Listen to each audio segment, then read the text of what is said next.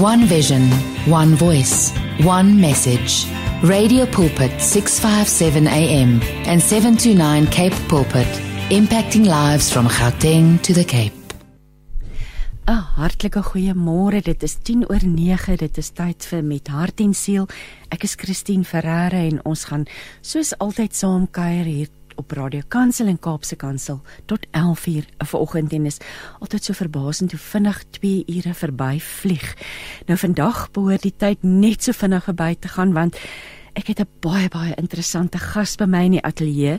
Um sendeling Michelle Potgieter is hier in die ateljee. Um sy het 'n boek geskryf, pas 'n boek uitgegee met die titel Sonneblomme en sneeu in Oekraïne. So jy kan die afleiding maak hierdie verhaal, hierdie hierdie lewensstorie, hierdie getuienis gaan oor 'n lewe in die Oekraïne al vir 27 jaar. Bitter bitter interessant. Ek sien so uit. Baie welkom Michelle. Wat so lekker wees om met jou te gesels vanoggend. Ek het soveel vrae en ek glo ons luisteraars ook. Um, ons is almal gefassineerd met die Oekraïne, maar ek jou boek gelees het die naweek het ek net besef hoe anderster tipe lewe jy lei en wat 'n brawe mens jy is, maar ons gaan daaroor gesels ehm um, deur die loop van ons program en dan so 10:30 se kant gaan ek gesels met Karin Bason oor hoe om God se stem te hoor en ons sluit ons program af met 'n stilte tyd meditasie deur Melanie Vosloo. So bly gerus ingeskakel vir sielskos en inspirasie. Nou voordat ons wegspring met ons gesprek wil ek darm net noem ehm um, dat ja, ek wil kyk wie het vir ons gesing. O, ek sien ons muiswerk vandag vanoggend bietjie stram hier aan hierdie kant. Ons gaan terugkom na wie gesing het vanoggend. Uh, maar nou gaan ek vir ons lees uit Psalm 29. Eer God, eer hom, elkeen wat bo in die hemel is. Kyk net hoe belangrik is hy. Kyk na sy krag en maak hom groot. Vertel vir almal hoe belangrik hy is. Val dan self in aanbidding neer in sy oorweldigende teenwoordigheid. 'n Mens ervaar die teenwoordigheid van die grootte God bo die geruis van die magtige see. Sy stem is soos die donder wat daar slaan. Hy heers oor alle magte. En as hy praat, gebeur dit net so. Wie kan dan teë praat? Dis die koning wat daar praat. As die Here praat, is dit soos weerlig wat die bome van bo tot onder oopkloof. Ja, as hy praat, laat die dreuning die grootste berge soos jong bokkies rondhuppel. As hy iets sê, is dit soos weerlig wat slaan en sy stem laat die verste woestyne bewe. As hy praat, skud die groot bome. Sy stem stroop die bosse kaal. In sy oorweldigende teenwoordigheid kan 'n mens net uitroep: Alle eer behoort aan God alleen. Die Here regeer oor die geruis van die magtige see, want hy is koning oor alles. Dit is die Here wat sy volk sterk maak en dit is die Here wat sy volk omvou met alles wat nodig is. En dit is Psalm 29 in die boodskap. Michelle, ek dink hierdie Psalm is 'n getuig van van wat jy in jou lewe al beleef het nie waar nie. Verseker Christine, ek kan net sê die Here is so goed en getrou. In hierdie 27 jaar het ek soveel keer gesien wanneer ek op my einde is, wanneer ek voel ek kan nie meer nie, wanneer ek voel ek sien nie kans om op te staan nie dat die Here so naby is en dat hy 'n almagtige God is wat ons in die holte van sy hand vashou en ons beskerm en ons lei. O, julle lewe is 'n absolute getuienis daarvan. Ek het, ek het begin lees en ek kon nie boek neersit nie. Ek gaan net weer die titel sê sommer nou reg aan die begin. Sonneblomme en sneeu in die Oekraïne uitgegee deur Lux Werby pas op die rakke Michelle Kuier in Suid-Afrika besig met 'n klomp boekbekendstellings en natuurlik ook net lekker om hier te wees.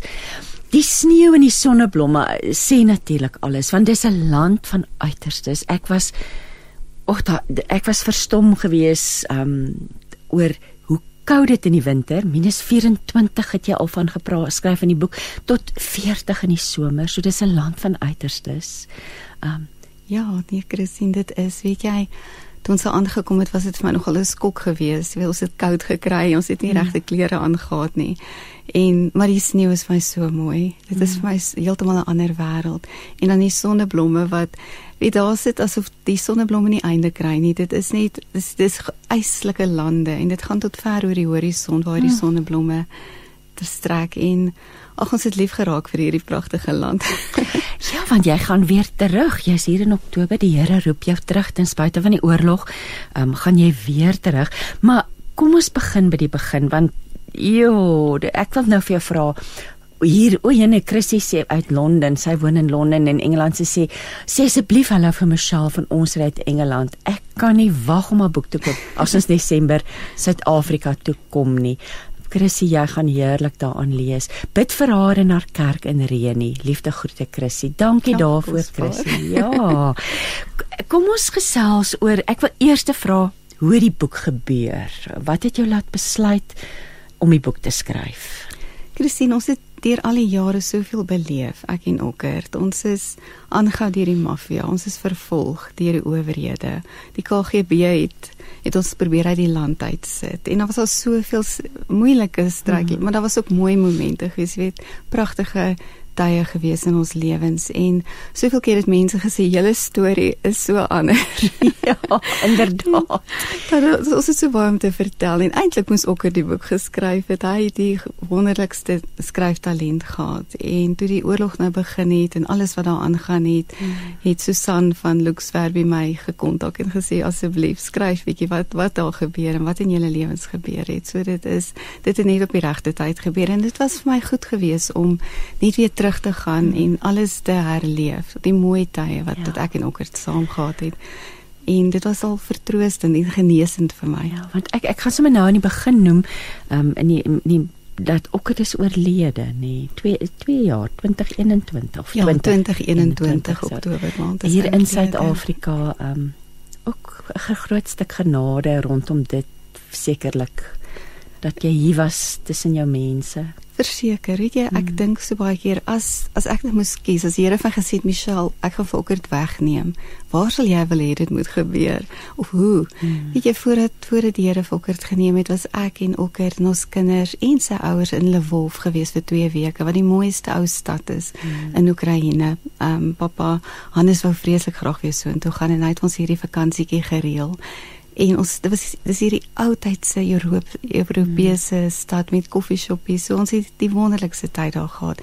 Ons het Suid-Afrika toe gekom, ehm um, maande voor die tyd reeds die kaartjies gekoop en toe ons hier aankom, toe is my pa in intensief. Mm. Hy's oorlede en net daarna ehm um, is ons af see toe, ons was sy begrafnis, ons is af see toe en terwyl ons by Kleinbrak was en Okkert se ouers was saam met ons en die kinders was saam met ons en daar het hy siek geword en binne 3 dae in die hospitaal is hy oorlede. En dit was dit was by hierdie huis gewees waar ons gebly het aan aan die see. So ek mm. kon uitloop op die strand. Ek mm. kon daar sit en huil op by die strand. Ek kon met die Here praat. So dit, ek sien net die Here neem ons in ag as hy mm. besluit te neem. As ja. hy besluit hy neem vir Okkert weg, dan dan neem hy ons in ag en hy gee ons 'n tyd saam, so spesiale tyd saam. Van die laaste tydjie daar in Lewolf as ek en Okkert so saamgestap het en nou by my hand was en dink ek, hoe is dit moontlik dat na 25 jaar mens nog so verlief kan wees ja. en dat dit so voel of my hand sy leefplekkie ken in sy hand. Jy weet daai ja. daai verliefdheid. Ja, en geseënd geweest daarmee. Twee vrae, hoe oud was Okkert toe die Here hom kom haal? Hy was um, 56. So hy het uh, uh, eintlik nog baie jonk. Ja. En so baie bereik en verrig.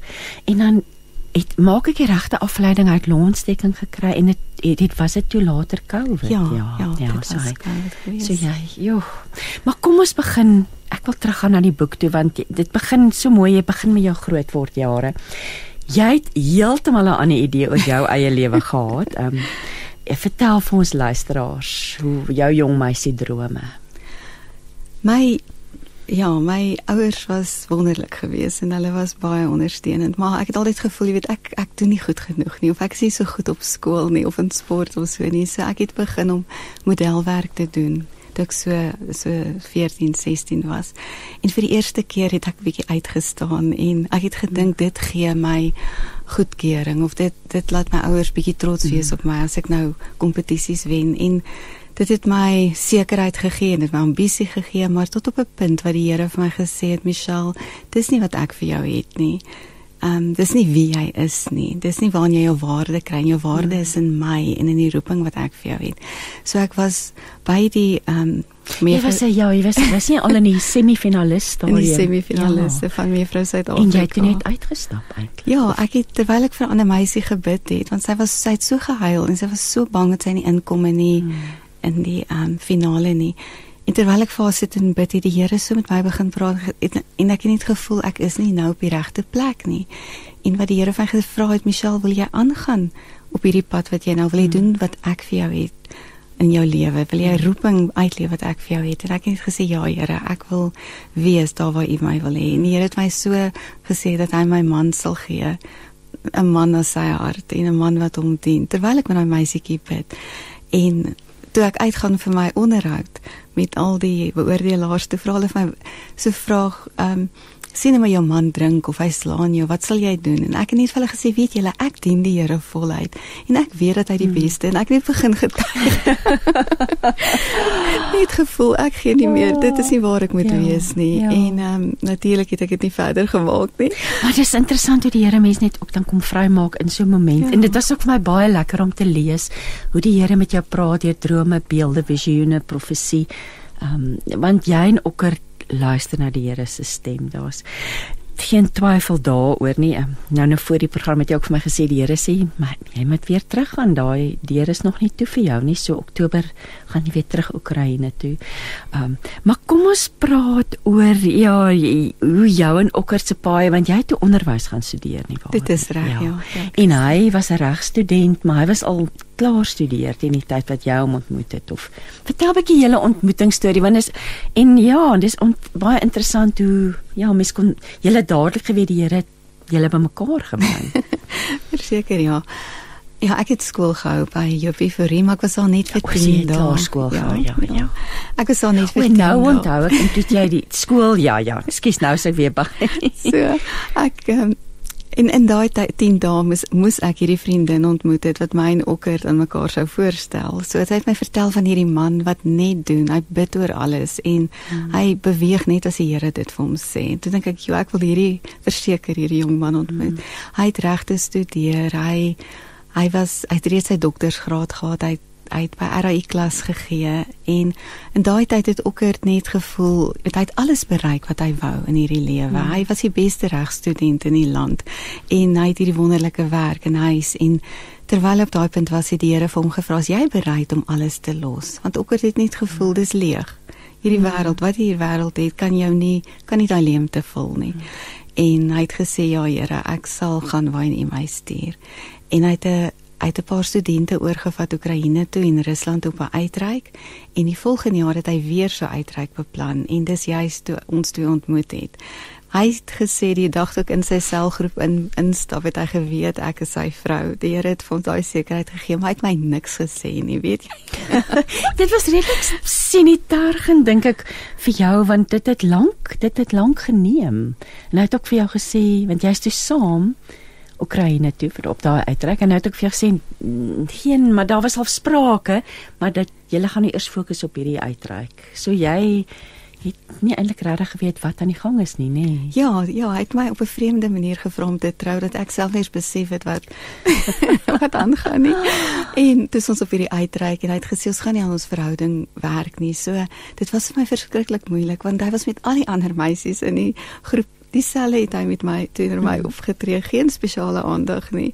En dan wonder ek wat gaan nou eintlik aan hier tussen ons.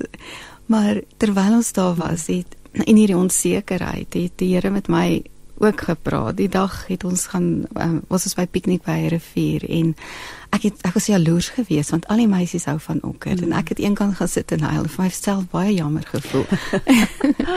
en in daai tyd vra die Here vir my Michelle, dit was somer en dit was warm en die Here wys vir my net hierdie rivier in sneeu en ys en hy vra vir my is jy bereid om hierdie koue te kom bly? En tweede vraag, is jy bereid om jou kinders hier groot te maak? Ja. Jy weet en ek en ook het dit geen sprake van ons gaan trou, ons gaan Oekraïne toe nie. Maar die Here het my so so geroep en ek het gesê ja Here, ek wil nie soos ehm um, ek weet nou wie weghardloop van die Here af in die boot. Ehm um, en ek wil nie ek wil nie u mis u nie en ek wil ek wil wees waar u my wil hê. Ek wil gehoorsaam wees en daarna het ek en het ook het gaan ouers vra en ons is kort daarna is ons getroud 6 maande later. En ja, 2 weke na ons troue is ons te oor. Dit was vir my absoluut ek moet sê, ek wil nie sê angswekkend nie, want dis nie dis nie die regte woord nie, maar ek kon nie eintlik glo hoe besonder braaf julle was om toe Oekraïne toe permanent, wel, te trek. Julle het nie besef op daai stadium sê dit gaan permanent wees nie, alhoewel die Here seker vir julle dit ook gesê nê. Maar daai verhuising as 'n 'n jong jong my getroude meisie die verhuising na die Oekraïne. Vertel vir ons want jy woon in die dorp Reni, nê? Nee, dis nie Reni nie, Reni. Reni, dis ja. reg. En jy het nou vir my verduidelik vooraf dit lê in die westelike kant naby die Swart See van die Oekraïne. En maar vertel vir ons die hele aankoms en ek ek het was jy het nou nog gepraat van julle was nie warm genoeg aangetrek nie, jy het in die winter gearriveer. Vertel vir ons 'n bietjie hoe dit gevoel, hoe wat was jou belewenis? Christine, ja, ons is Januarie getroud. Dit was lekker warm hier en ons het ons ouers gegroet op die lughawe en dit was so half 'n finaliteit. Hmm. Ook het sy werk bedank. Ek het my werk bedank. Ons het alles verkoop wat ons gehad het en ons is Oekraïne toe.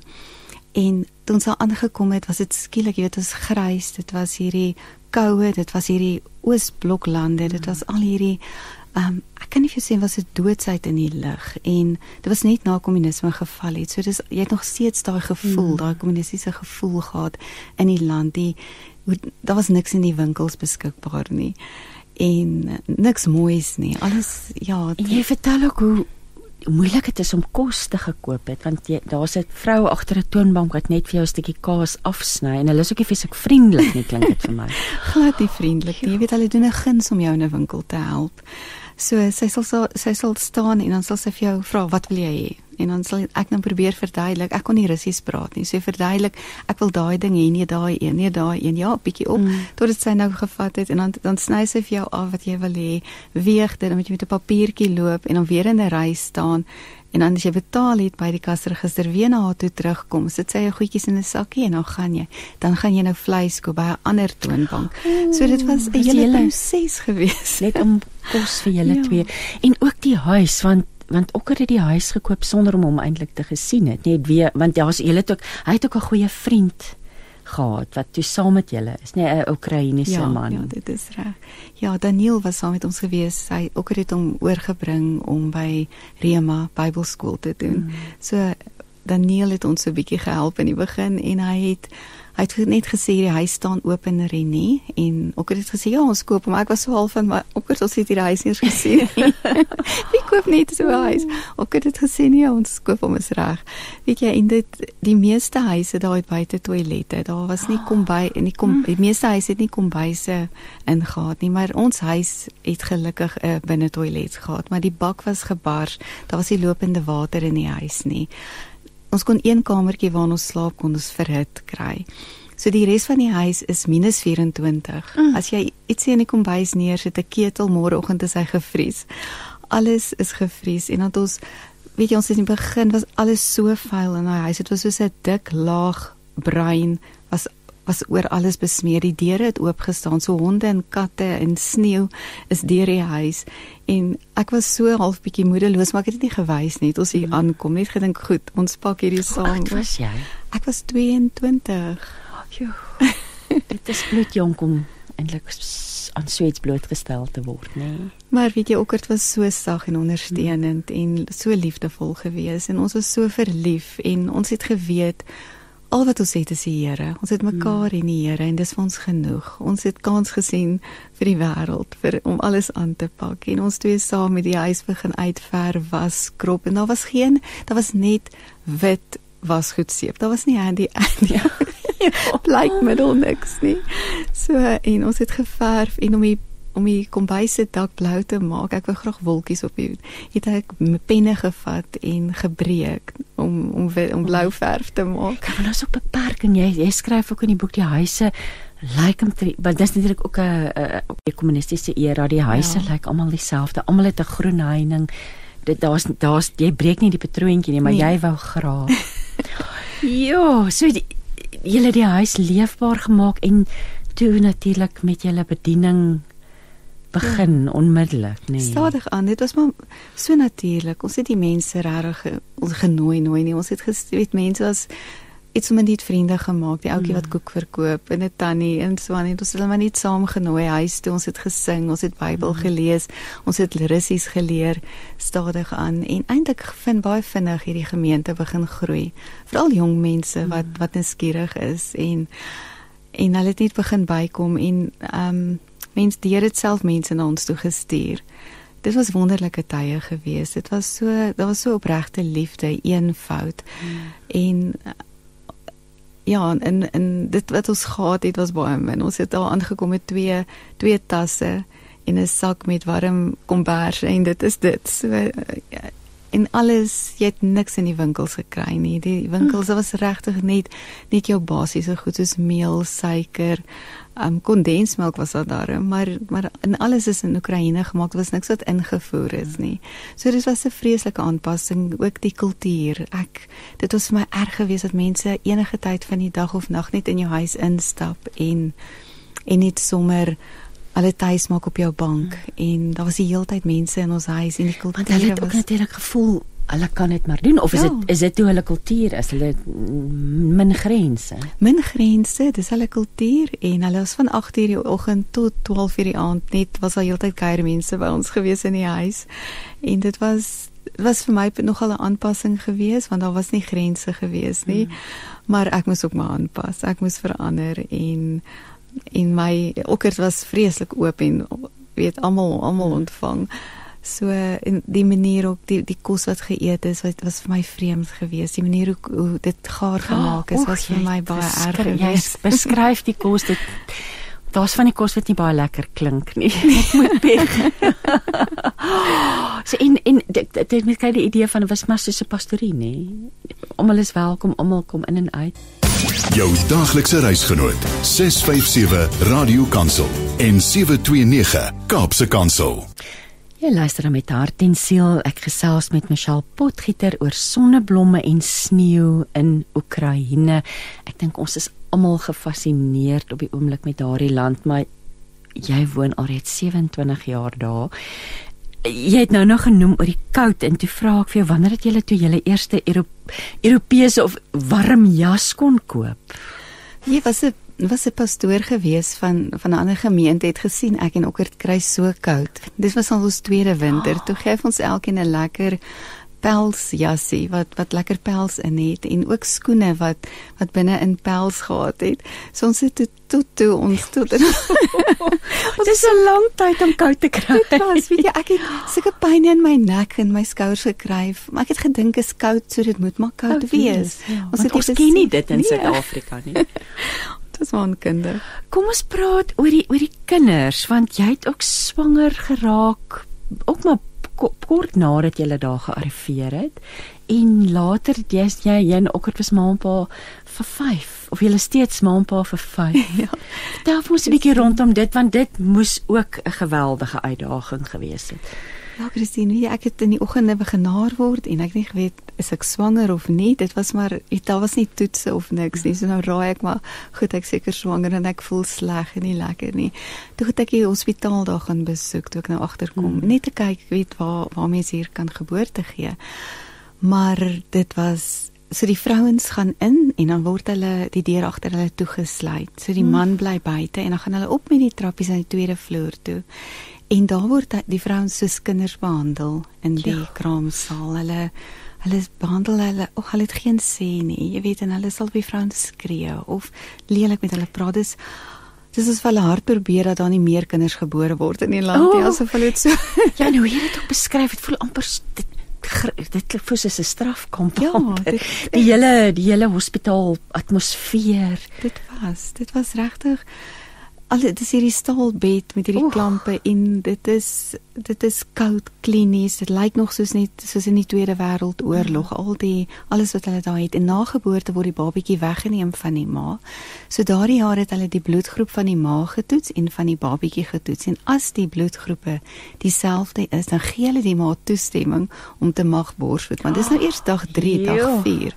So jy kan dink daar's geen daar's geen die band, band tussen ma en baba of wat nog van van pa. Die pa is buitekant toe, ge- weet mag nie eers die babatjie sien nie. En hoe lank moet sy dan in die hospitaal bly? Sy moet 2 weke daar bly in die hospitaal met die baba. Baba slaap een kant, word eens hulle bring hulle net af en toe die babatjies vir voedings dan word die babatjies weg. Beskryf hoe hulle net in so 'n lappie eintlik toegedraai word die babas. Dis nie ja, warm en tegemoetkomend.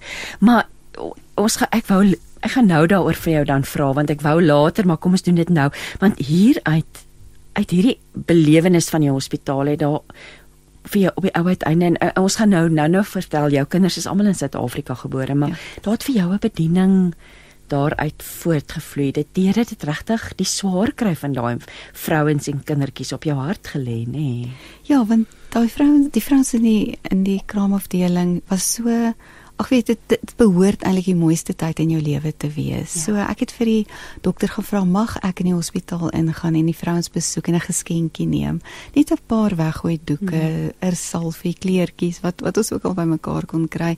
En so kon ek weekliks in die kraamafdeling ingaan en die vrouens in 'n in 'n Nuwe Testament Bybeltjie net vir hulle iets moois in daai moeilikste omstandighede vir hulle gee. En vir hulle sê jy weet 'n babatjie is reg dis 'n dis 'n geskenk van die Here.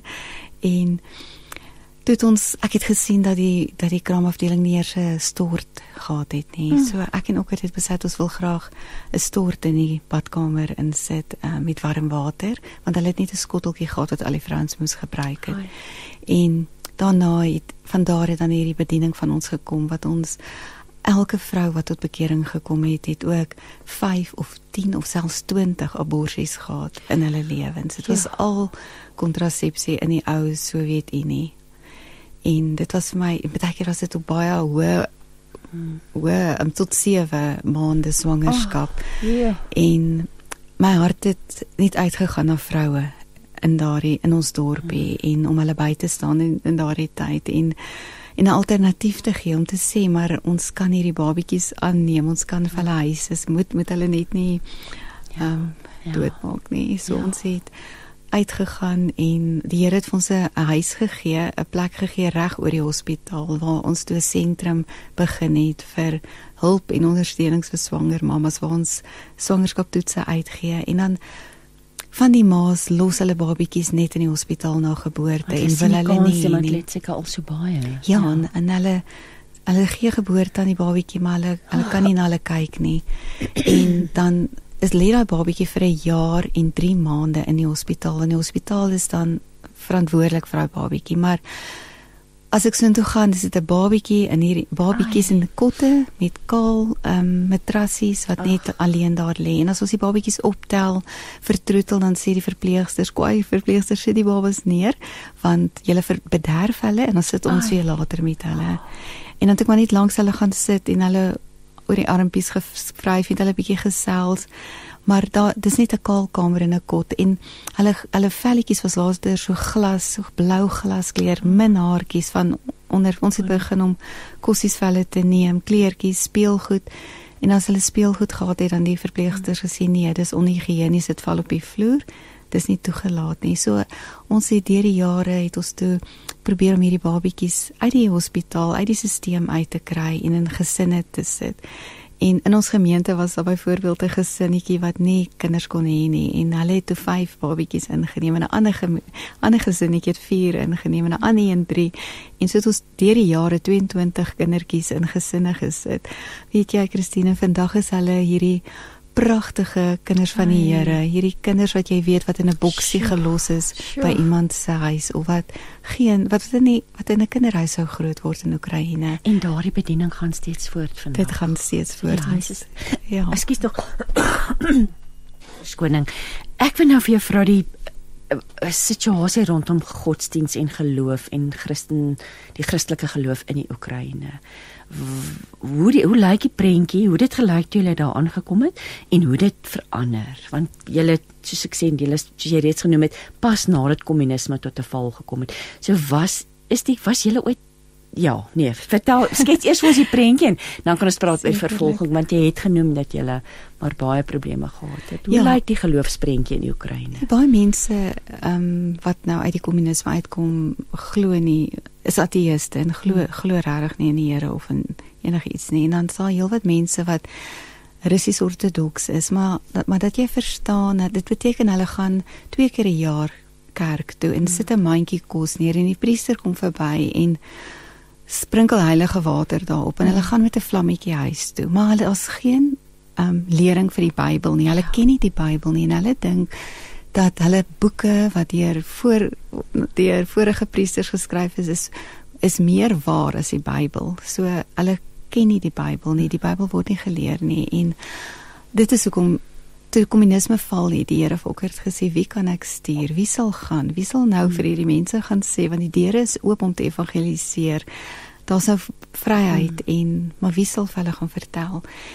En toe ons daar aangekom het, het mense gedink ons is spioene. Hulle het gedink ons smokkel iets. Hulle het hmm ons is so met agterdog ontvang ja. en as ons 'n gebouetjie gekry het vir ons kerk, ons het 'n 'n kamertjie gehuur in 'n gebou dan dan sit die uh, owerhede soveel druk op daardie mense op die byvoorbeeld die die ehm um, filmteater het ons gehuur en kry hulle soveel druk van die owerhede en wat hulle vir ons sê ja. jammer ons kan julle nie meer akkommodeer nie kry ons 'n volgende gebou soos ons deur 16 verskillende plekke waar waar ons net nie kon enigiets doen nie want ons is soveel teëgestaan en, en verjaag eintlik. Verjaag en um, maar nog steeds deur die jare het mense begin sien ons is daar regtig om te bly en dat ons daar is om te help en mense hmm. by te staan in nood en goed te doen. So deur die jare het dit geswaai en ons het begin projekte doen die afgelope paar jaar in die dorp soos ons Love Renie projek. Ja, dit dis interessant dat die burgemeester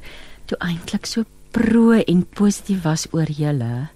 Um hierdie Love Rennie projek wat sou mens sê 'n projek wat daai het voortgevloei het. Dit is reg. Ja, weet jy, jare terug was hy self in die maffia gewees. in 'n groot skelm en die op sy troudag was hy 'n vreeslike ongeluk gewees wat hy toe verlam is en hy het vir sy nuwe bruid gesê jy kan my maar los. Hmm. Ons kan maar skei en sy het hom toe gelos. So hy het sy eie hmm. moeilike pad gehad. Hy's nou nog in 'n rolstoel en hy en Okkert was vriende. So hy het gesê van dat hy en Okkert vriende is, het hy opgehou met drink en hy het hy sy lewe begin en hy het begin ja, reg leef. So en hy hy op hierdie stadium staan hy ons so by deur die laaste paar jaar het hy hy help vir ons hier vir die kleuterskool hout te gee of as ons enige mm. projek in die dorp doen staan hy ons by en help ons en en regtig so ondersteunend in al die werk wat ons daar doen. Ja, ons ek ek ben nou ook gesels oor want jy het op 'n op 'n stadium kon jy toe jou eie gebou koop. Maar dit het ook gekom met baie moeilikheid, nê? Nee. Ja, ja, dit het baie dit was moeilik geweest. Dit was dit was die direkteur en dan die hoof van die KGB het na ons toe gekom en gesê dat ehm um, hierdie gebou staan leeg op die dorpsplein hmm. reg oor die ortodokse kerk en ons kan die gebou net kry as ons hulle skuld afbetaal en sodra ons dit gedoen het en ons toe aandele in hierdie gebou het toe besluit hy die hoof van die KV, KGB nou gaan hy van ons ontslaa raak. So hy oh. hy het alles probeer om ons toe uit die land uit te kry en om ons te deporteer. En ons het soveel gebid maar die Here het keer op keer op keer het die Here net sy planne gestop en vir ons weer guns gegee. Of as ons die ehm ons papiere om gedeporteer te word op iemand se kantoor se tafel lê dan stuur die Here iemand daar wat ons ken en gesê maar al hierdie goed wat jy geskryf het is leuns. Hmm. en dan vat hy die papiere weg. So en dat soveel kere het ons net ek kan so baie getuig van die Here se beskerming en want dit ek en ook het gevoel het ons kan nie meer nie ons hmm. ons wil opgee maar dat die Here getrou is en nog steeds vir ons deure oopmaak en ons terugvat Oekraïne toe keer op keer op keer. En jy het natuurlik leer Russies praat, so jy het jouself eintlik net onderdompel in hierdie kultuur. Woon daar baie ander westerlinge of um, mense wat nie Oekraïne van die Oekraïne is nie of, uh, wat sal mense hulle noem? Expats is of is dit meestal maar wie woon almal in daai dorp? Op hierdie stadium is ek die enigste buitelander wat in ons dorpie woon. Vroeger was dit ek en Okker en dan nog 'n vrou van Swede wat ook 'n kinderhuis daar begin het maar al sy en Okkert is nou oorlede en hulle albei in 2021. So nou en dan verder in in groter stede. Ek weet in Odessa is daar ook Suid-Afrikaners of in Kiev is daar Suid-Afrikaners, maar nou met die oorlog is daar glo baie min. You. Jo, dit maar kom ons praat oor die kinders want ons het daar begin en toe eintlik oor die toe oor die bediening begin gesels. Vyf kinders. Dis reg, ja, Christine. Die Here het my en Okkert geseën met vyf pragtige kinders. Dis vier seuns en 'n dogter. So Hannes Joshua, ons oudste seun, is nou in Amerika. Hy het met 'n Oekraïense vroutjie getrou, Anastasia. Hy help ook met 'n Christen radiostasie vir kursusse hulle daar. En dan my tweede oudste, Silje, is ook met 'n Oekraïense vroutjie getroud, Tatiana, en hulle is in Nieu-Seeland waar hy nou werk as um, bedryfsingenieur. Dan Maria Lena, my enigste pragtige dogter. sy ehm um, studeer nou klaar by Aros. Sy maak nou hierdie klaar jaar haar grondslagfase klaar by en ons sy as dit is nou verby. So volgende jaar kyk sy waar sy pos kry om verder te werk en dan sit Benjamin Kor, hy is hy studeer teologie en is op pad Amerika toe saam met sy boetie. en dan die jongste en Ivan is ehm um, maak nou skool klaar. Hy's nou 17 en hy het hierdie afgelope jaar by my gebly in Oekraïne. En ag hy's my regterhand en dit is net so lekker om hom by my te hê. Ek so ek prys die Here vir elkeen van my kinders en ja, en elke keer moes jy Suid-Afrika toe kom weens daai slegte omstandighede in die hospitaal vir die om die geboorte hier te kom doen en daar's jy getuig ook van soveel wonderwerke rondom dit. Ehm um, ja. teenstand en en en maar op uiteinde is almal toe hier gebore. Ek wil sê oor die praktiese goed. Ek is seker daar's ma's wat wil weet hoe jy het hulle getuiskool en hoe was dit moeilik? Hoe hoe hoe het jy dit hanteer? Kon jy hulle maklik die materiaal kry? Hoe het hierdie proses verloop? Want hulle is nou almal al groot, maar behalwe die jongste van 17. Hoe dit hoe dit gewerk? Ja, ja, dit was nogal moeilik om met klein kindertjies op 'n vliegtuig te klim en baie keer was dit as jy daar aan afklim, dan sit 'n babatjie van 6 weke oud hmm. wat jy uit 'n vliegtuig uit moet haal en hy huil en dit is koud en dan sit ek en huil en dink jy Al harder as die babatjie, maar um, ja, dit dit was moeilik geweest toe hulle klein ja, was ja, met met en elke keer op 8 maande dan het ek gevlieg en baie keer het ook net nog bietjie langer gebly in Oekraïne.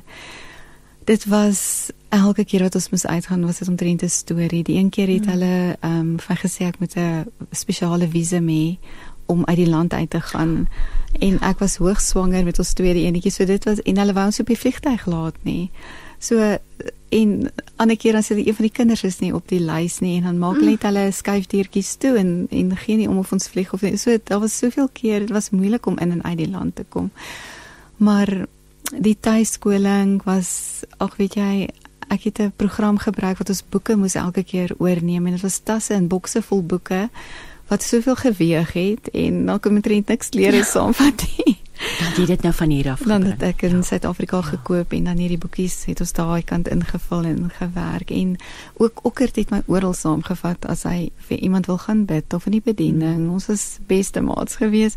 So met baie keer moet die kinders self aangaan met hulle skoolwerk en dan kom ek terug verduidelik iets en dan gaan ek weer weg. So hulle het regtig met baie genade van die Here maak hulle skool klaar. Jy jy skryf ook van 'n keer wat jy met 'n tas vol skoonmaakmiddels Of onthou ek nou ja, reg ja, wat jy ook met 'n swaar tas vol skoonmaakmiddels hier van Suid-Afrika af terug is. Ja, toe Hannes Joshua nou gebore is, dan dink ek ek het doeke saamgevat. En dink ek maar ek moet mos iets hê wat die doeke kan blyk. En ek moet 'n versagmaakmiddel, versagmaakmiddel hê. En ek moet weet daar soveel goeders om die bottels mee skoon te maak en al sulke jy jy moet nie al daai goed hê. So dit is en, en daar was niks niks beskikbaar in Oekraïne nie. En ek het so spaarsame gebruik vir die jaar want ehm um, ja, jy dit is heeltemal 'n ander leefwyse. Dit is Maar weet jy ek wil nou vir jou vra want ja, boonbehalwe dat jou geloof bly groei het uit die aard van die saak. Wat as jy nou terugkyk? Wat het jy geleer by hierdie mense en hulle gebrek aan so baie luksede? Wat se impak het dit op jou menswees gehad? Mense daar is baie gasvry en die mense in die gemeente is so liefdevol en pragtig, mm. maar mense op straat, as jy so in die strate loop, dan sal mense maak glad nie oogkontak nie. So hulle kyk af op die grond en hulle stap net verby jou en daar's 'n koudheid en as jy vir hulle glimlag, kan hulle sommer met jou raas. Jy weet, hoekom lag jy vir my of Maar die mense in die gemeente om te sien hoe iemand se hart sag word, hoe die Here 'n persoon ja persoon verander, hoe sy liefde ja iemand se mm. se lewe vul en hy weer hoop kry en 'n toekoms kry en en sien hoe God iemand verander as hy as hy net bekering kom en hy weet joh ek het 'n pa wat regtig vir my lief is en 'n ma wat wat mm. wat in die weet, geestelike ma's en mense in die gemeente ons is soos regtig soos 'n familie. En dan sit so mooi om te sien hoe hoe die Here werk. Want as jy verstaan in hulle kultuur is dit verkeerd om vir 'n babietjie te sê jy's mooi, jy's pragtig, jy's hmm. want dan gaan iets slegs met hom gebeur. Hulle is vreeslik baie gelowig. So hulle sal vir 'n babietjie sê, "O, jou lelike ou varkie, jy is so."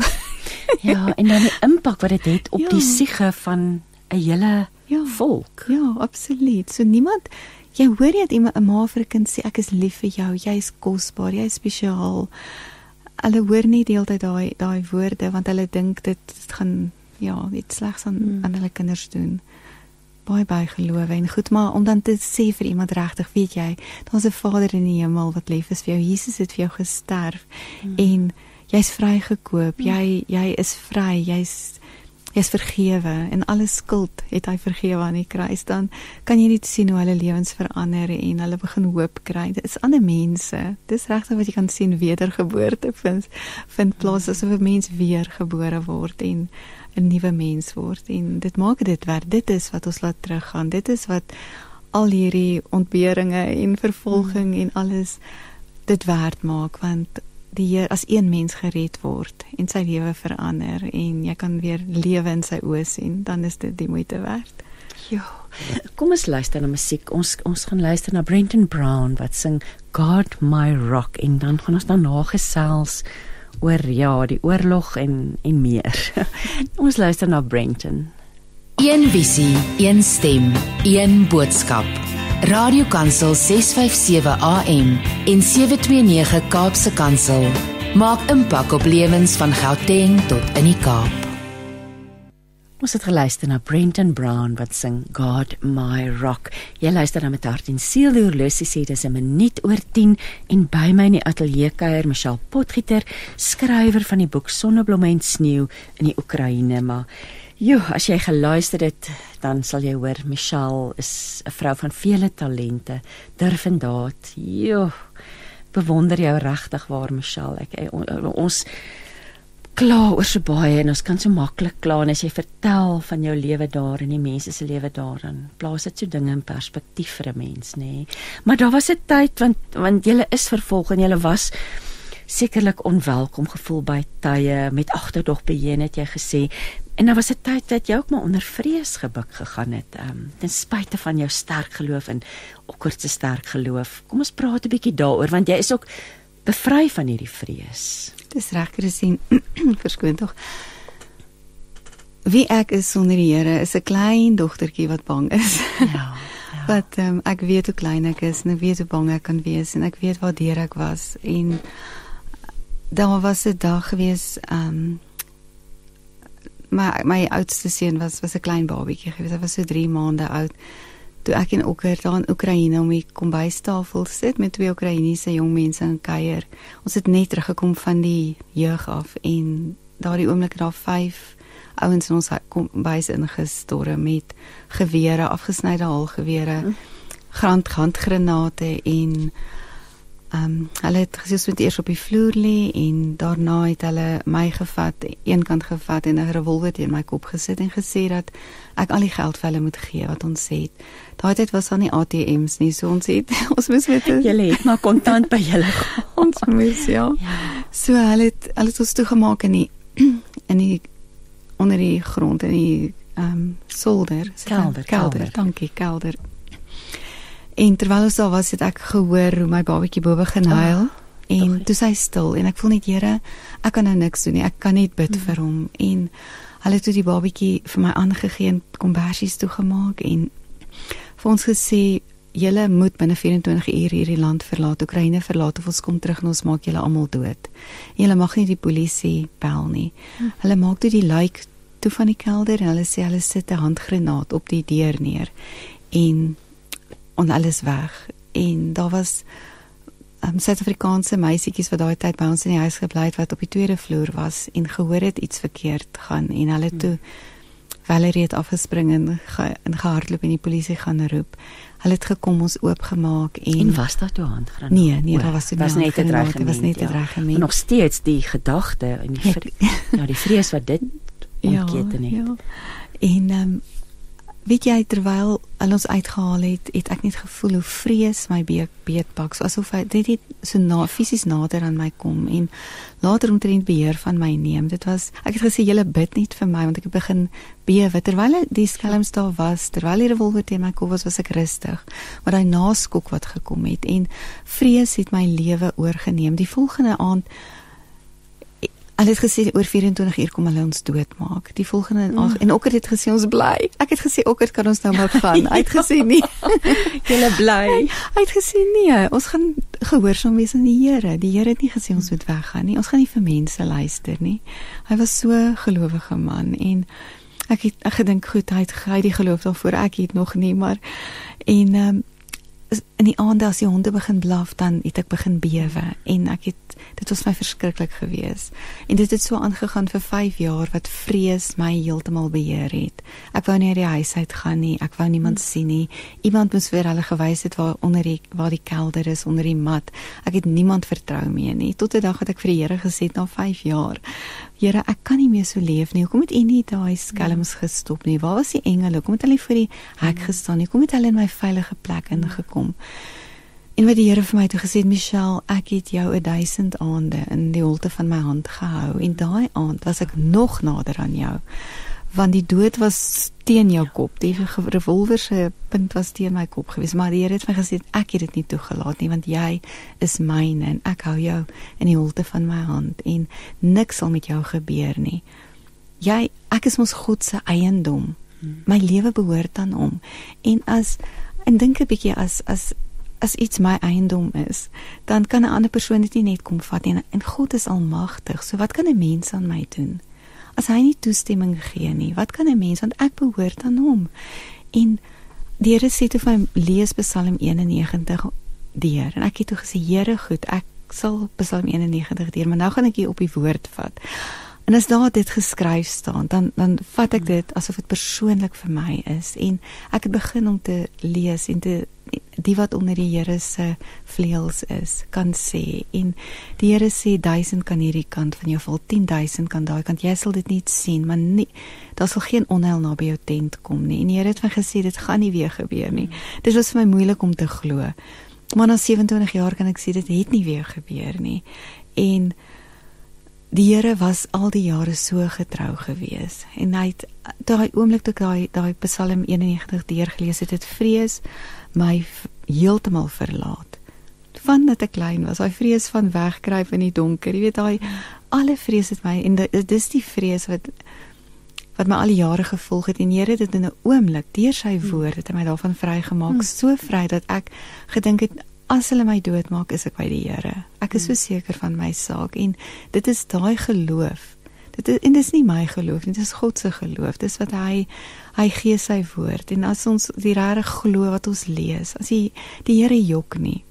God kan nie jok nie. En as hy sê hy hou my en jou in die holte van ons hand, van sy hand, wat kan ons vrees? En daarom gaan ek terug Oekraïne toe. Daarom weet ek dat hmm. al is ons dorp dorpie 2 weke terug aangeval en dit daar bomme ontplof. Ek gaan terug en ek weet dat die Here my gaan veilig hou en dat hy my gaan hou in die holte van sy hand. Daarom sal ek nie vrees nie en ek sal net op die Here vertrou. Ja, amen daarop.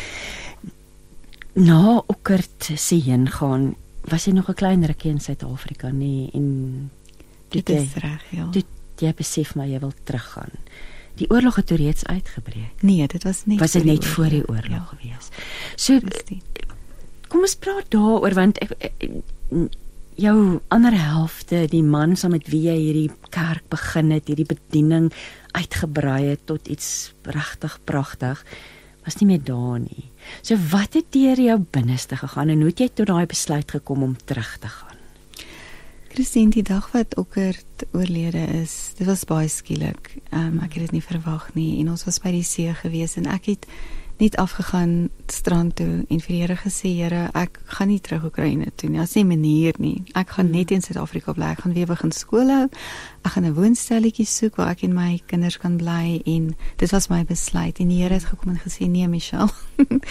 ek wil hê jy moet teruggaan. Ek is nou jou pa en ek is jou man en ek gaan voor jou uit en ek gaan jou beskerm. Maar die Here het ook van gewys dat daar 'n oorlog dat die oorlog gaan uitbreek.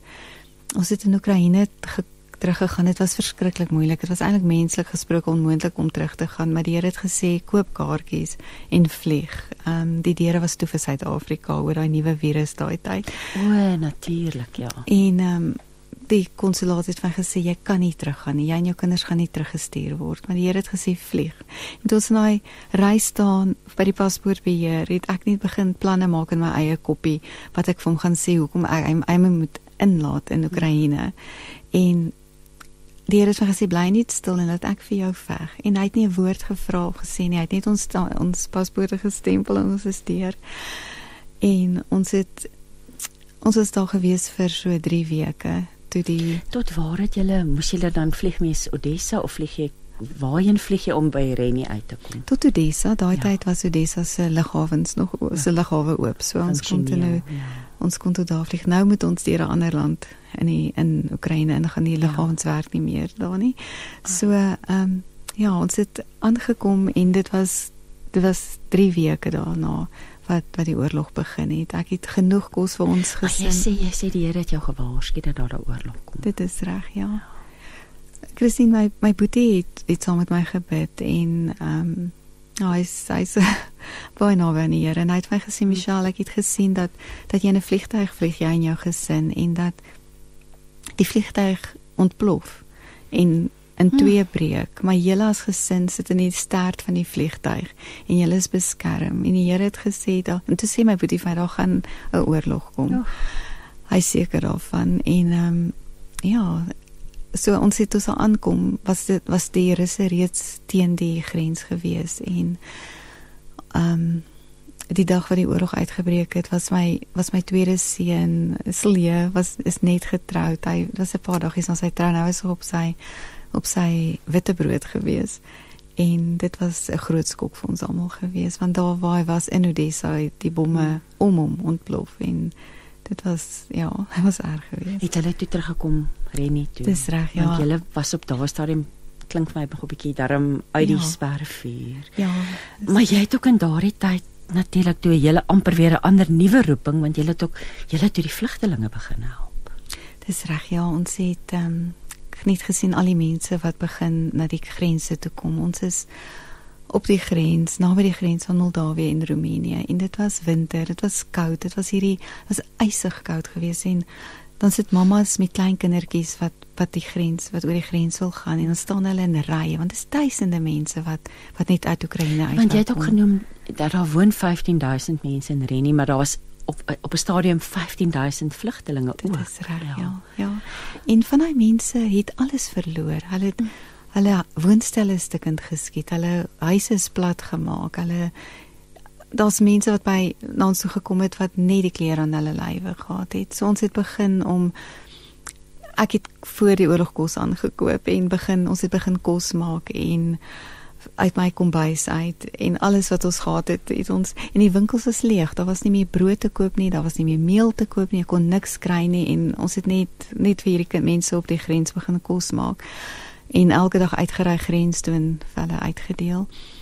En Ivan het later gesê mamma, mamma gee al ons kos weg. En hy het gesê Ivan die Here sal die Here sal voorsien en weet jy kort daarna het het ehm um, vriende wat van ons ehm um, Terence en Nelia wat in Roemenië is van die kerks het hulle gesê maar hulle sal vir ons kos oor die grens bring en hulle het oor die grens gekom met 'n klein vragmotortjie vol kos en vyf bokse waarop staan Michelle. En toe daai bokse by my huis afgelewer word, ons maak oop, was daar alles waarna jy kan dink. So in 'n tyd wat die winkels leeg is, het die Here begin om bonatuurlik vir ons te voorsien dat ons kan aanhou met die kos maak vir vir die vlugtelinge En nou al is al meer as 500 dae. Is al amper 'n jaar en 'n half wat hierdie oorlog aan die gang is en tot nou toe vanmiddag selfs maak ons mense in die gemeente kos vir die vlugtelinge wat daar deurkom en daar's mense wat al 'n jaar by ons eet en elke dag een uur dan deel ons met hulle woord. Ons lees wel uit die Bybel. Ons bid saam met hulle. Ons nooi hulle uit dienste toe van hulle toe kom tot bekering. So nou bring die Here mense van reg oor Oekraïne na ons toe wat in soveel nood is en weet jy al die jare het Okkert gebid Here laat er nie 'n veilige hawe word laat er nie se hawe weer werk laat er nie 'n plek word waar mense gered kan word waarheen mense kom want lank al het almal daarvan weggevlug dit was die laaste ou dorpie waar enigiemand wou wees. En nou bring die Here mense na ons toe wat stikkend is wat hulle mans verloor het wat kinders seuns verloor het in die oorlog wat gaan veg het wat nie meer 'n huis het nie wat regtig niks in en dan kom sit hulle daar en hulle begin eet. Party mense huil net. Hulle is so dankbaar en sê dankie vir hierdie heerlike kos. Ons maak lekker sop en dan 'n lekker vleisgereggie met rys of iets en dan ook 'n soet ehm um, donut of iets lekkers ook saam met die kos. So en die mense in die gemeente dien net daar en ons het nog nooit ek het nog die, die, die naam van die gemeente. Dit ontgaan my nou op die oomblik. Lig vir die wêreld. Lig vir die wêreld. Ja, dit is. Ja. Jo, en is dit nie presies wat julle nou is nie? En jy sê die gemeente is omtrent 120 groot op die oomblik. Ja, ja, dis omtrent 120 groot en dit baie van hulle so handjievol mense so verskil kan maak en so baie mense bedien. Ja, dit is hm. ons as gemeente weet dat dat ons lig moet wees en die Here sê daar geduisternis oor hierdie aarde kom, groot duisternis. Maar jy moet opstaan en jou lig laat skyn in die duisternis. Dis hoekom die Here ons geroep het juis vir 'n tyd soos nou, juis vir hierdie laaste dae. Daar waar die Here jou geplant het, daar waar jou gesit het. Maak nie saak hoe donker dit word nie. Ja, ek weet in Suid-Afrika is ook baie probleme, maar die Here sit ons nie verniet op 'n plek nie, juis om lig te wees. Hmm. Toe ons teruggegaan het Oekraïne toe, het ek was ek baie want dit was nou verlede jaar, ekskuus. Ja. Ehm um, die kragstasies is opgeblaas, so daar was nie altyd elektrisiteit nie en ons dorpie het 2 ure 'n dag elektrisiteit gehad, partykeer 4 ure 'n dag. Elektrisiteit die winter kom aan. Praat van minus 12 grade, kan minus 24 grade wees. En as ons nie elektrisiteit het nie, het ons nie verhitting nie. Hmm. Maar ek het weer gevoel die Here sê gaan terug. Ek's met jou. Ek sal sorg. Ek ontdek ek en my kinders het teruggegaan verlede jaar en ons Oktober November. Toe ons aankom sê mense, "Haai, julle krag word dan nie afgesny nie vir die eerste keer. Ons kan nie verstaan dat julle krag vanaand aan is nie." Daar was 'n tannie wat vir ons kossies gemaak het die aand was ons. Sy kan nie verstaan die krag is aan. Die volgende dag is ons krag aan. Die dag daarna van die dag wat ons aangekom het in Renie, het dit nie een keer afgegaan nie behalwe as Odessa kom op Odessa so die hulle die die lyne verander hmm. daai dag wat ons geland het dat die die agter ons huis is daar 'n 'n pompstasie vir die dorp se water. daai dag te vir dalk sê die burgemeester ek weet nie maar die Here het dit in elk geval gebruik. Net om vir my te wys Michelle ek is met julle moenie vrees nie. So die res van die dorp is in die donker gehul ja. en daar waar die lig moet skyn is daar ja, lig. Ja. ons kerkgebou het elke dag lig on, waar ons vir die vir ehm um, vlugtelinge kos maak. En my huis het die hele winter deur behalwe as Odessa nou of groot plekke maar hulle maak dit baie gou weer reg. Miskien 'n dag, miskien twee dae sonder elektrisiteit en dan gaan dit weer aan. So die, ek kan net sien dat die Here as ons besluit om die Here te glo, om te vertrou op sy woord. As hy sê hy sal sorg, as hy sê hy sal voorsien. As hy sê ek kan op die water loop, dan klim ek uit daai boot uit en ek begin op die water loop en ek hou my oë op Jesus. As 'n storm om ons is, kan ons maar saam met Jesus rustig in die boot gaan lê. Want die disippels het hom wakker gemaak en vir hom gesê: "Here, sien nie nie ons vergaan nie." En die Here het gesê: "Ha, julle is klein gelowig." Waar is julle geloof? En eintlik wou die Here hê ons moet saam met hom in daai boot gaan lê en hom net vertrou en rustig wees en aan die slaap raak. Ja, want weet jy my, my eerste gedagte is jo, maar as jy nie bang nie, as jy nie bang nie en dan dink ek onmiddellik aan jou oorwinning oor vrees en hoe die Here ons weet nie, maar daardie insident toegelaat het Ja. Nee, om ja. jou vry te maak dat jy vandag in 'n oorlogsone terug uit vrye keuse teruggaan om die Here daar te gaan dien, om mense te help. Um Maar Christine, jy weet wie ek is sonder die Here. Ek's klein en ek's Ja, bang, maar ja, met maar hom. met die Here, want hy is getrou en hy het vir my soveel deur wat ek gegaan het die afgelope jare en 'n half en deur okkerd selfsterwe het ek Mm. net gesien die Here sê hy's naby die wat hartgebroke is. Hy's hy hou ons in sy hand en ek kon Mm. net sien, ek kan net getuig oor die Here se getrouheid en klein dingetjies wat hy vir my wys. As iets vir my moeilik raak en ek bid daaroor, miskien laat die Here dit net nie op my manier gebeur nie, maar hy wys vir my elke dag en ek weet dat ek weet dat die Here met my is en hy's so naby en ek ek net hierdie partykeer huil ek in die nag en ek mis vir oggend en ek is so hartseer en ek hou my selfs aan die slaap. Maar oggend word ek wakker en daar's so vrede in my hart. Mm. Dan dink ek 'n vreugde 'n afwag 'n verwagting. En ek dink maar ek gaan nêrens heen nie. Ek soos 'n kind wat vir 'n vakansie wag. Maar dan sit net die Here se vrede en liefde en teenwoordigheid in my lewe. Ag, wat 'n wonderlike getuienis en wat 'n wonderlike bemoediging vir elkeen wat luister vandag. Um, om net weer te hoor wat gebeur. En dis so mooi as jy vir my nou sê, sonder hom is ek 'n klein bang dogtertjie, maar met hom sien ek vir al hierdie dinge kans. Um terug na die boek. Ek vind nou by jou vir jou vra wat eh, wat wil jy graag bereik want uit die aard van die saak jy het hard gewerk om die boek te skryf en dit was sekerlik vir jou 'n emosionele reis het jy, jy dit begin skryf na Okkert se dood Dit is reg, ja, ja. wat droom jy nou vir die boek want is dis 'n lieflike boek en is dis 'n wonderlike voorreg om so 'n boek in 'n mens se hand vas te hou wat jy self geskryf het wat droom jy vir die boek wat wat wil jy graag bereik Net een ding dat mense weer geloof kry. Dat mense sien deur my getuienis dat die Here getrou is, dat hy lewend is, dat hy wanneer ons hom vertrou met Mm. alles, wanneer ons al alles gedoen het wat ons dink, Mm. maar maar dit werk nie uit nie. Kan ons na hom toe draai en hy hy is altyd daar. Hy's lief vir ons. Hy veroordeel ons nie. Hy ontvang ons terug soos 'n pa 'n verlore seun terug verwag en deur elke getuienis in daai boek wil ek net hê die Here verheerlik moet word en dat wanneer mense dit lees dat hulle moet sien die Here het dit vir Michelle gedoen hy kan dit vir my doen en dat ons hom regtig vertrou soos 'n vader 'n vader wat vir ons goed is want dit is, dit is wie hy is maar ons wil baie keer ons eie lewens ehm um, beheer ons ons besluite neem en daarna vir die Here vra Here seën ons besluite ja. maar eintlik andersom wees dat ons net op in sy voetspore volg. Hy loop in die sneeu en ons kan in die, in sy voetspore volg en net agter hom aangaan en hy sal ons beskerm en lei waar ons moet wees. En uit die aard van die saak weet jy nie hoe lank jy teruggaan nie of weet dit jy teruggaan tot die einde van jou dae om dit daardeur te bring. Dis die die toekoms is eintlik vir jou baie oop nie waar nie. Dis reg ja. Kyk, al, al die jare vra mense vir my en okker, hoe lank is julle nog in Oekraïne? Dan sê ons net ons weet nie. Ons het nie 'n plan B nie. En ons lewens is in die Here se hand. As hy hy sê ek maak 'n deur vir jou oop en niemand sal dit toemaak nie. Of ek maak 'n deur toe en niemand sal dit oopmaak nie. As die deur oop is, dan gaan ek. En daarom kan ek nie eers sê hoe lank ek daar gaan wees nie. Die deur kan môre toe gaan en dan vertrou ek die Here verder want hy sal sorg.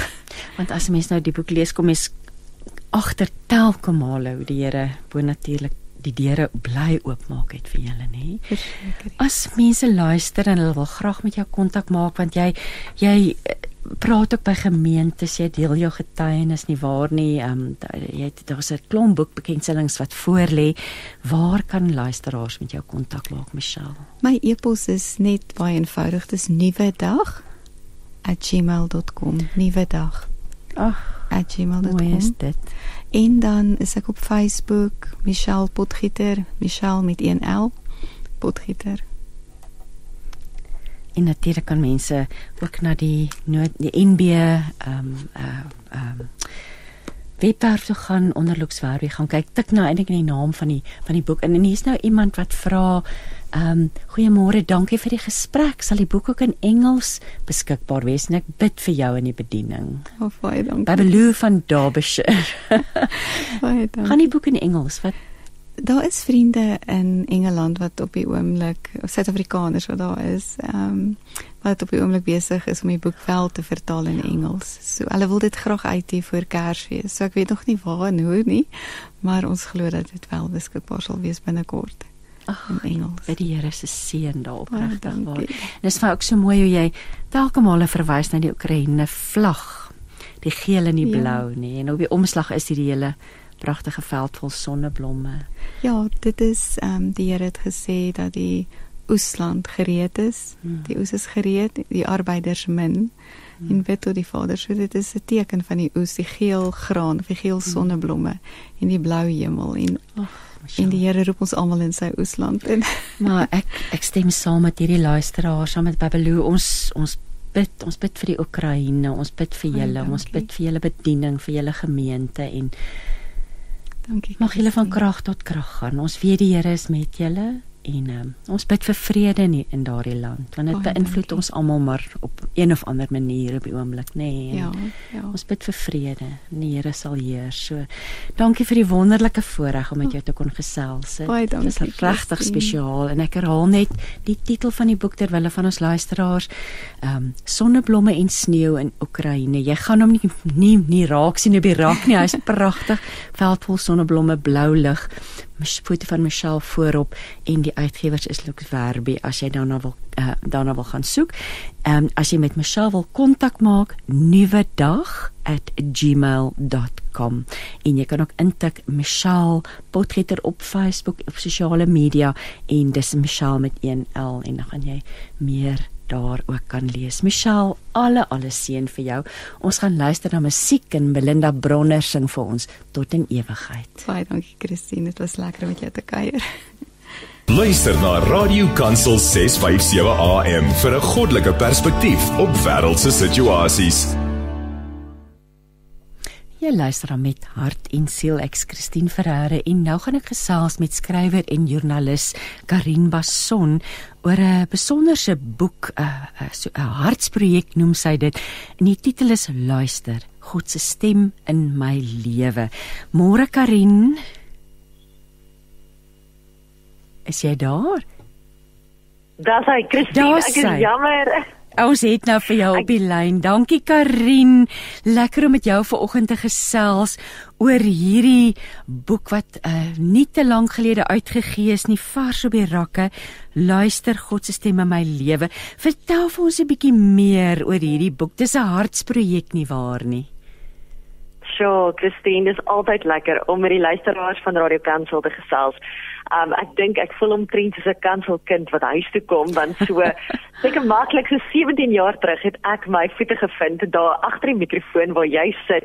En dit was 'n jong 25 en 26 jarige en vandag het um die vlerke nou al gegroei en ek het nou nuwe wortels geskiet in die Kaap en ja, ons sit vir waar hier met 'n projek wat regtig naby aan ons harte is. En ek dink as Tanya Paul vandag deel was van die gesprek sou ons gesê het Hierdie is presies wat jy sê. Dis 'n hartsprojek, Christine. Ek dink hierdie boek is vir elkeen wat een of ander tyd in hulle self of die genade van 'n lewende God getwyfel het. Weet of jy nou 'n sportliefhebber is en of jy net 'n doodnormale mens is wat sport op die TV kyk. Weet hierdie boek gaan regtig regtig vir jou ek dink dit saamvat wat jy nog altyd gewonder het oor is God in elke aspek van ons lewe. Weet ek weet baie mense sukkel met die idee van sport op 'n Sondag en dan sê hulle maar dit is is God in alles te vind.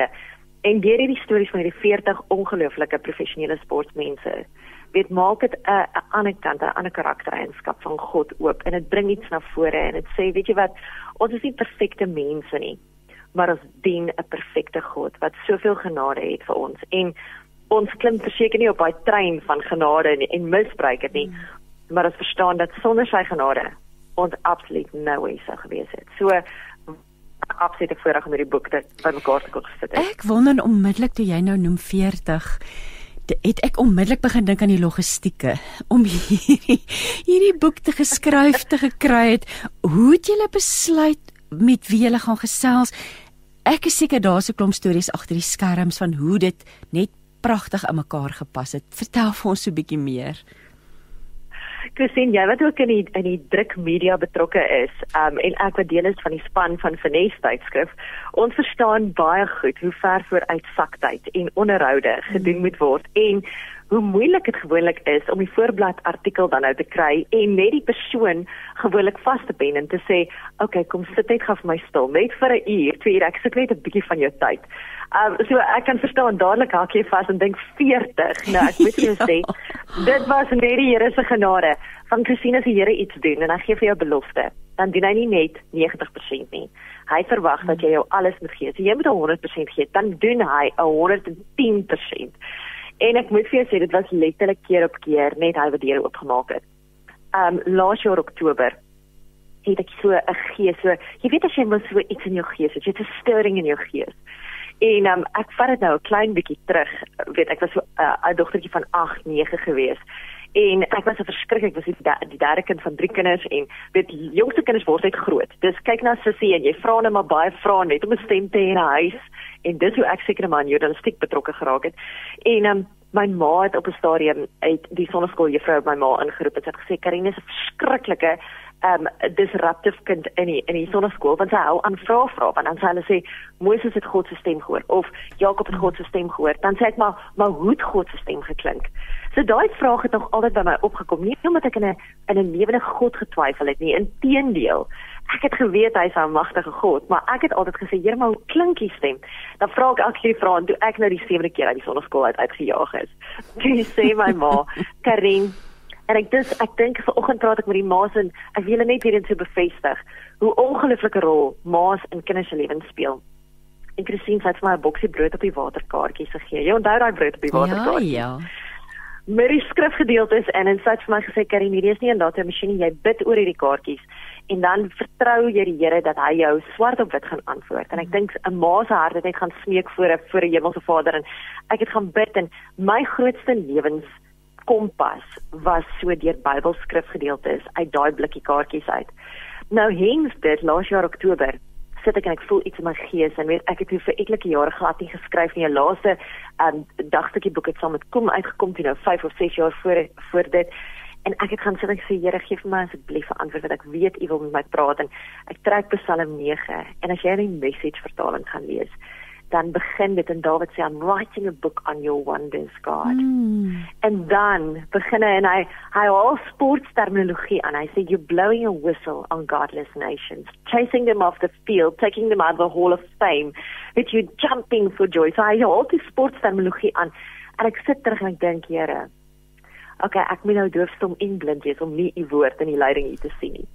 En ek dink Christine aan die hand van daai het ek absoluut met 'n mandaat vorentoe getree laas jaar Oktober en ek het gesê Here ek het net 5 maande om dan nou mense te kontak en hulle nie te ooreed nie maar brei hulle harte voor hmm. sodat hulle sê dadelik ja hierdie resoneer met my hart en hierdie is in die gees en ek wil graag my storie vertel. En Christine dis wat gebeur het ons het mense begin kontak En ek dink ons moet op 'n stadium moet ons stop by 40 want die drukkoste raak net te veel. Wat beteken die boek raak net te duur vir die algemene mens en weet ons land sit in 'n finansiële uh, moeilike tyd en ons land is vyfvoos en ons wil graag hierdie boek in elke liewe huishouding kan hê wat ons weet dit gaan 'n verskil maak. So die uitdaging het jy gevra was ek dink ja daar om die skedules natuurlik van die sportmense in ag te hou. Want toe ons begin was Oktober November wat beteken weet sport was nog steeds um, aan die einde aan die UHC en natuurlik al die Karibeker wedstryde en so meer was aan die gang. Toe kom Kersfees en hulle wil graag met hulle familie tyd spandeer. Januarie skop die jaar af en ons moes toe teen 15 Januarie begin nou inligting inwin om hierdie stories te skryf. En ek moet vir jou sê ek het weggespring en ek moes omtrent 'n storie 'n dag geskryf het.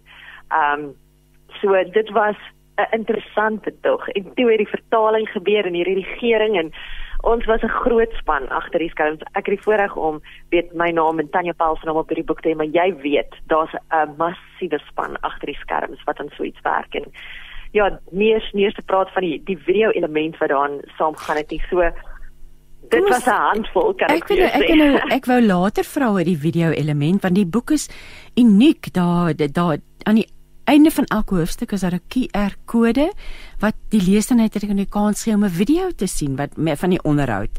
So dit is dit maak dit regtig so relevant so hedendaags. Ehm um, en natuurlik visueel Dis is nie net 'n boek wat jy lees nie, jy kan ook visueel daarna gaan kyk. So, joh, wat 'n lekker, wat 'n lekker konsep. Ek wil nou vir jou vra wie oor wie skryf jy? Dit is sportmense en dis vir my so interessant hoe gelowig ons sportmense van ons land is, nê? Wie, wie oor wie word daar geskryf en dan miskien kan jy so kortliks vir ons net so een of twee van die getuienisse deel vanoggend um, van hoe hierdie mense God se stem hoor? Oh, Christine, ons het verstom gestaan oor hoe oop hierdie mense is, hierdie mans en vrouens, want kyk, mense sal na die voorblad kyk en dan gaan hulle dadelik dink, weet, is dit net rugby want jy sien die groen en goud wat natuurlik stryk op Dwayne Vermeulen se bors. Jy sien die oud Springbok spelers Skalk Brits, jy sien dadelik ons um, Springbok uh, Thomas de Tooi.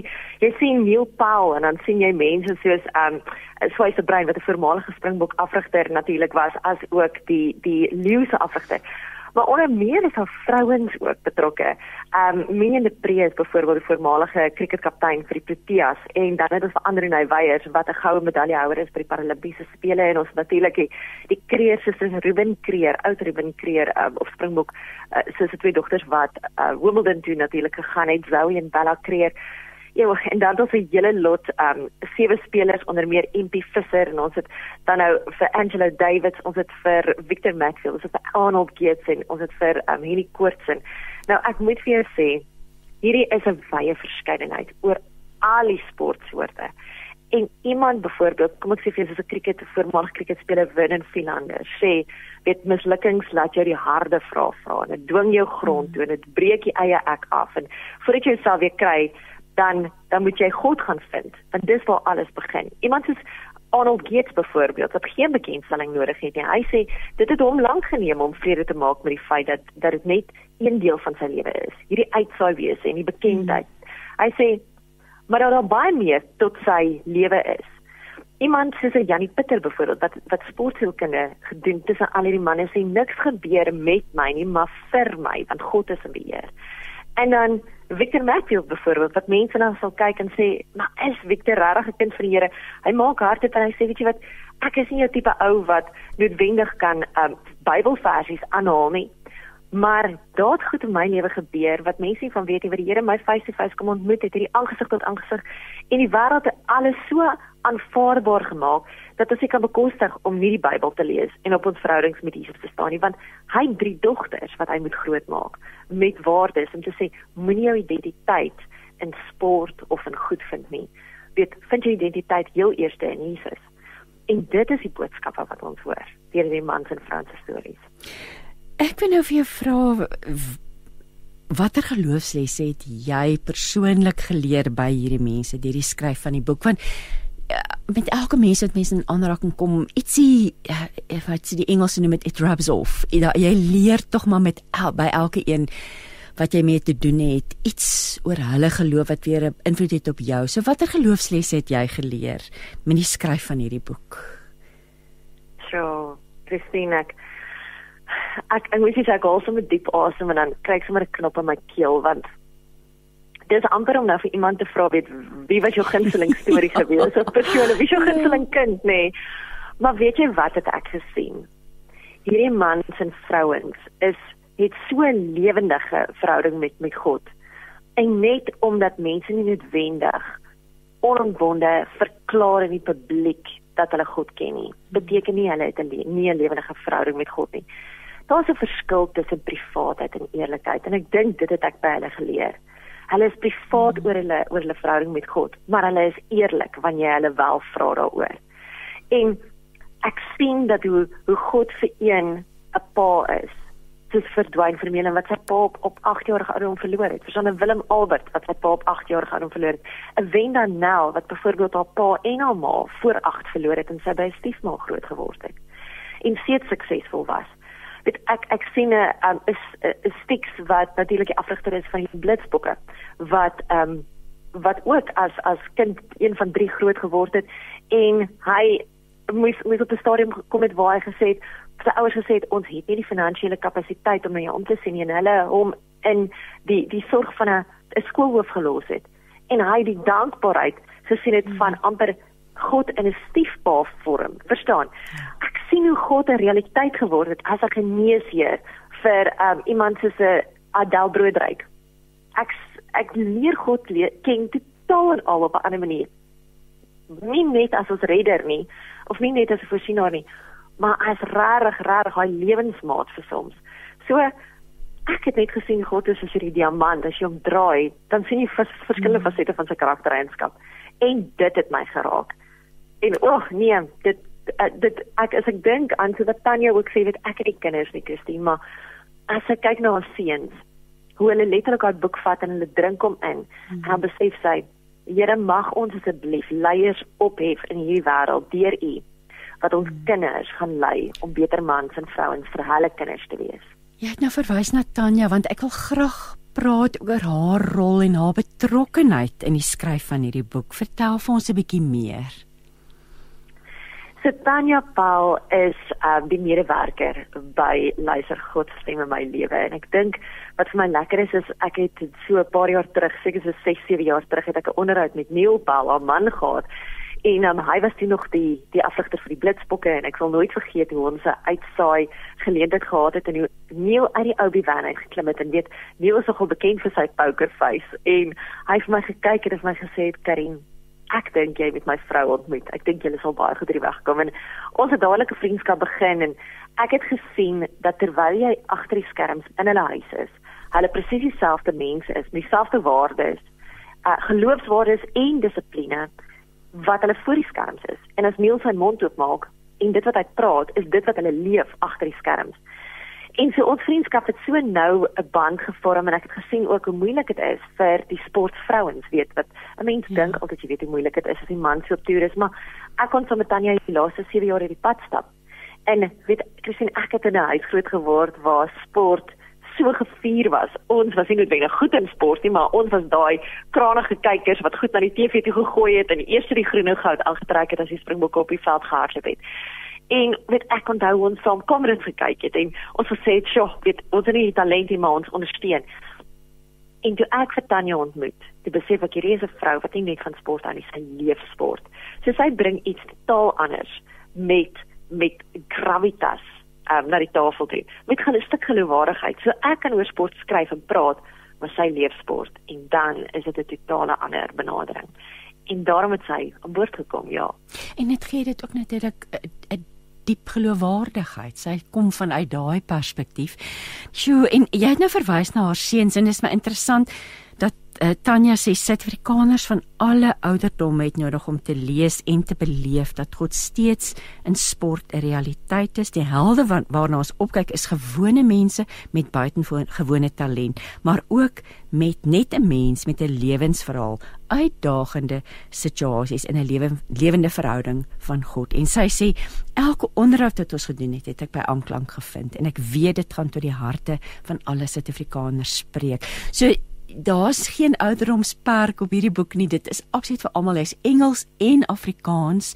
Ehm um, so julle wil julle wil soveel as moontlik mense aanraak deur hierdie boek, nê? Nee.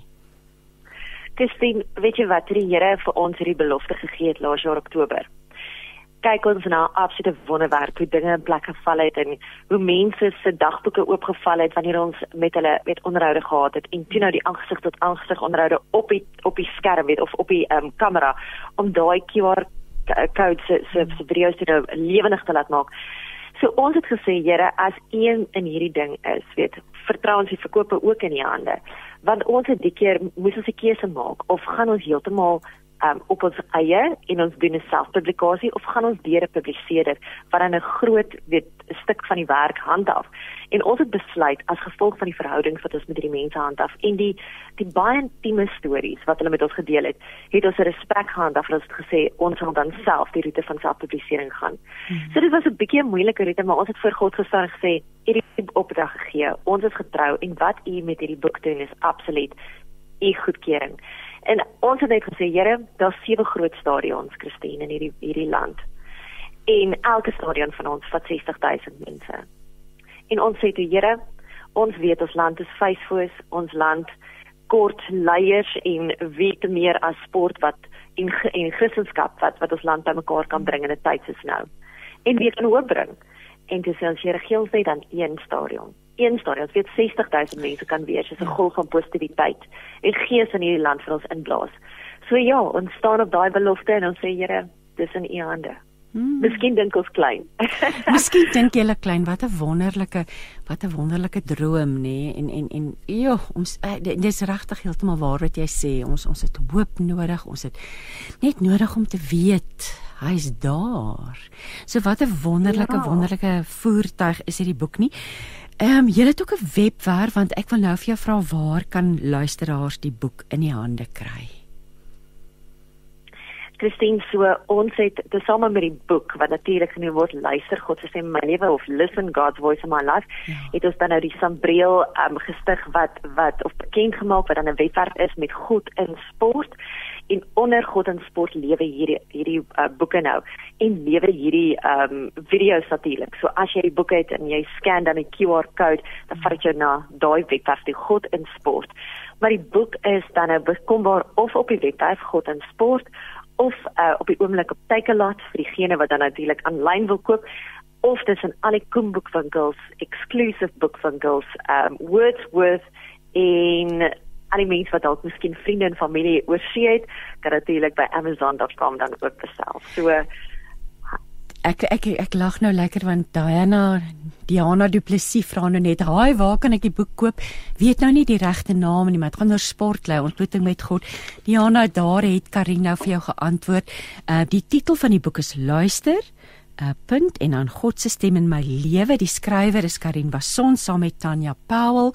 Jy kan die boek in die hande kry by www.godinsport.com of by 'n hele reeks uitgesoekte boekwinkels. So Ehm um, Diana, dit is nou regtig goeie tuisberekening vir jou om hierdie stadium vir ons te vra om so jou vrae te beantwoord. Karin, ek wil dankie sê ons tyd is het is nou uitgehardloop. Ehm um, ons tyd is min, maar dankie vir jou tyd vanoggend. Mag die Here hierdie boek seën. Ehm um, ek kan hoor hoe passievol jy is daaroor en en ek dink en ons bid en ons vertrou dat dit regtig baie harte gaan aanraak.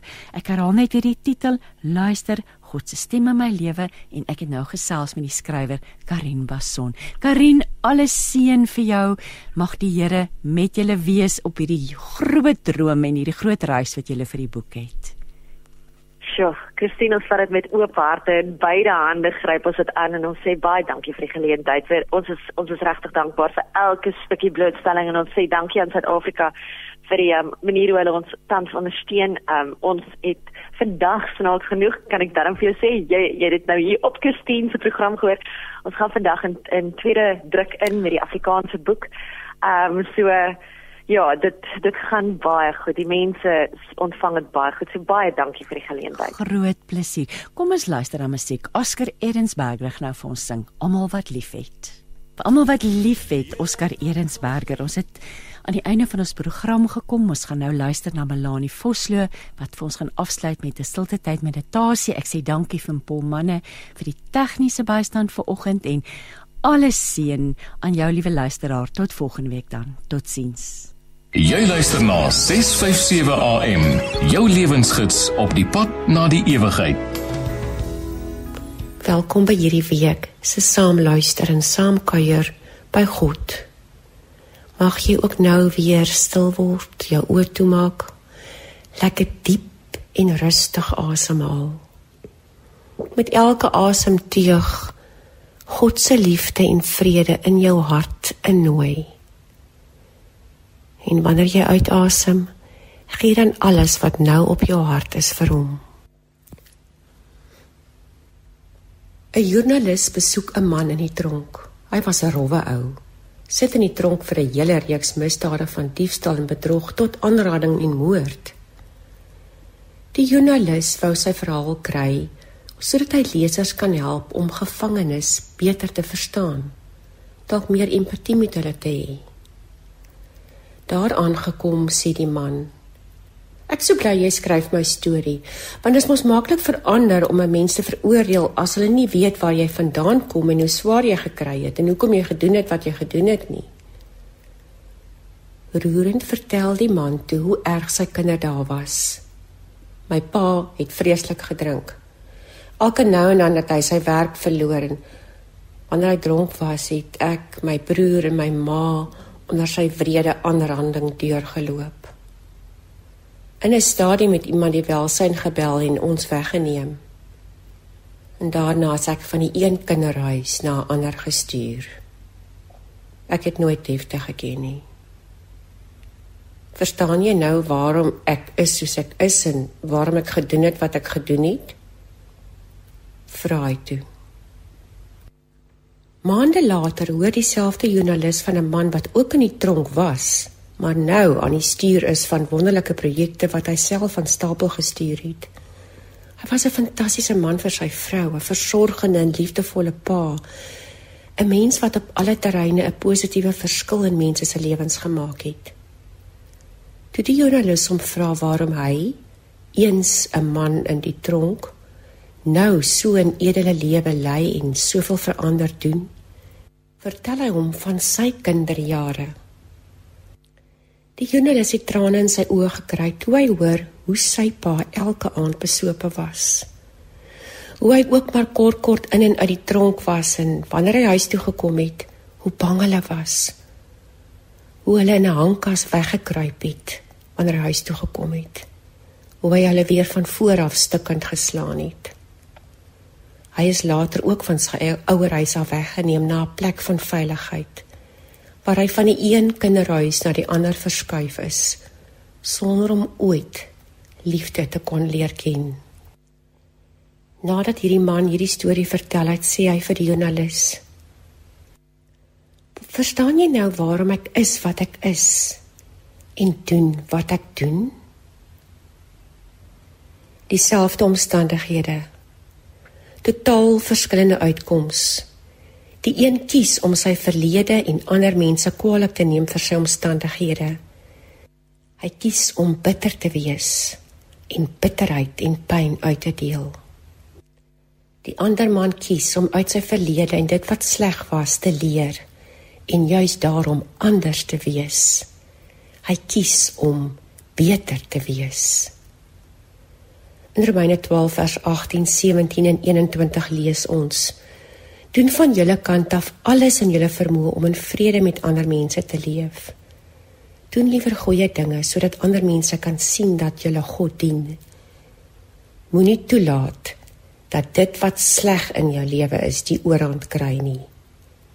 Oorwin die bose deur te doen wat God van jou vra.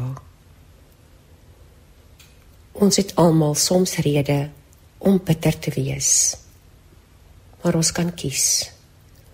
Ons kan beter wees, bo bitter wees kies en so ons eie geluk, vrede en rus vind. Kom ek en jy kies om ongeag dit wat gedoen is of gedoen word, dit wat om en in ons afspeel, beter wees bo bitter wees te kies. Kom ons bid saam. Here Jesus, U het soveel redes gehad om bitter te wees teenoor ander die mense wat u nie verstaan het nie die wie u verneder het verlaat het in die steek gelaat het die wie u aan die kruishout vasgespijker het tog is van u laaste woorde die van vergifnis en liefde o Here leer my asseblief iets van hierdie groots wees hierdie nederig wees hierdie beter wees liefde wees. Amen. Deel die liefde, deel die waarheid en deel die lewe op 657 Radio Kansel en 729 Kaapse Kansel